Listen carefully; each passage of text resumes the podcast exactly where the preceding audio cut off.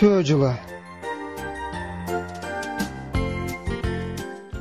бул окуя адам баласы жылдыздарга жан жаныбарларга тоолорго дарыяларга адеп ат койгон байыркы заманда болгон экен. Ар бир жылдын мезгилдин өзүнчө өзгөчөлүгү бар экенин адамдар ошол кезде эле байкайт. Бир жылы жерден баш көтөрбөй иштеп мыкты түшүм алса кийинки жылда аскалардын зоокалардын боорлоруна сүрөт тартып аракатка батат дагы бир жылы канчалык эмгектенсе да акыбети кайтпай түшүмү начар болот. Кээде жамгыр жаабай кээде кара нөсөр жууп кетип кээ бир мезгилде эгини жайкалып турганда добул күйүп жиберет. Анан адамдар бир нерсени байкашат. Ар бир жыл өзүнчө болгону менен он эки жыл мезгил өткөндөн кийин кандайдыр бир окшоштуктары сезилет. Ошентип ар бир жылга өзүнчө ат берип он эки жыл мезгилин мүчөл деп аташат. Ошол кезде эле адам баласы далай айбандарды үйрөтүп үй жандыктары бакма болуп калган. Анан ошол айбандардын жүрүм турумдарына мүнөздөрүнө жараша атап ар бирине ат ыйгарган. Жылдарды да жандыктардын аттары менен атап алат. Эң жакшы тынч жылды кой деп атап эң кыйын оор жылды ит дейт бара бара жылдын баардыгы ысымдуу болот. Алар коен балык жылан жылкы кой маймыл тоок ит доңуз төө ууй жана жолборс.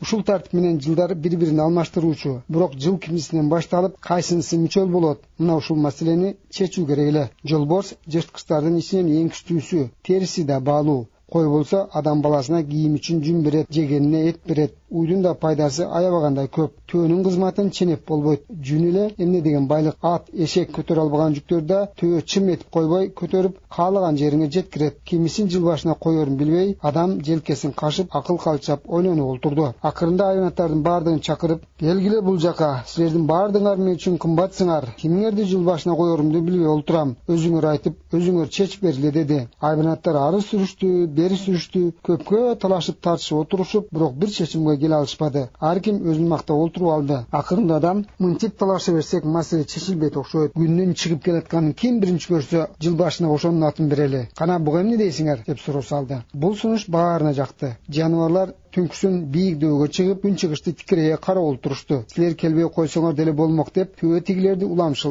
баарыңардан менин боюм бийик күндү мен биринчи көрөм. Анан калса адамга эң керектүү жандыкмын. Эч кимиңер чөлдө мендей чыдай албайсыңар. Мен көтөргөн жүктү артса ат ордунан тура албай калат. Менин чуудама койдун жүнү жетмек беле. Чендеп да койбойт. Төө ошентип баардыгын шылдыңдап бир кезде жолборска да сен бадалдын түбүнө жашынып жатып алып ары бери өткөндөргө кабыласың. Адамга кылча пайдаң тийбейт деп тийишип өттү төө ошентип баардыгынын жинине тийди бирок бири дагы кайрып сөз айтпады. Баардыгынын акыйып эле тиктегендери күн болду. Таң жарылганына бир топ убакыт болуп калды. Бир кезде анакей күн чыкты күн чыкты күндү мен көрдүм деген чыйылдаган үн чыкты. Менден мурда күндү көргөн кимиси болуп кетти деп төө ири мойнун буруп карап калды. Ал жердеги жандыктардын баардыгы бул чыйылдаган үн кимдики болду дешип бурулуп карашты. Аңгыча тоо артынан күн чыгып туш тушка нурларын жиберип табият татуу уйкусунан ойгонду. Алиги үн чыккан жакты караса төөнүн өркөчүнө томуктай чычкан конуп олтурган экен. Төбө жини келгенден буркан шаркан түшүп үстүндөгү митаам чычканды силкип салмакчы болду. Чычкан болсо төөнүн өркөч жүнүнө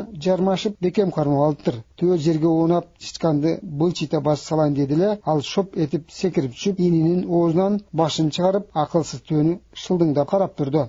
Ошентип төө жыл санагына кирбей калды. Ал эми мүчөл санак болсо жыл башы чычкандан баштап эсептелип келатат азыр деле бирөөлөр боюн көтөрүп менменсинген түр көрсөтсө кыргыздар ушу сен төө жылында төрөлгөн эмес белең деп сурап коюшат. Жыл аттары ыйгарылган бул окуя илгери илгери атам заманда өтсө да ал болмушка айланып муундан муунга берилип ушул күнгө чейин айтылып келатат мындан кийин да айтыла бермекчи. Жомокту окуган ырысбай абдыраимов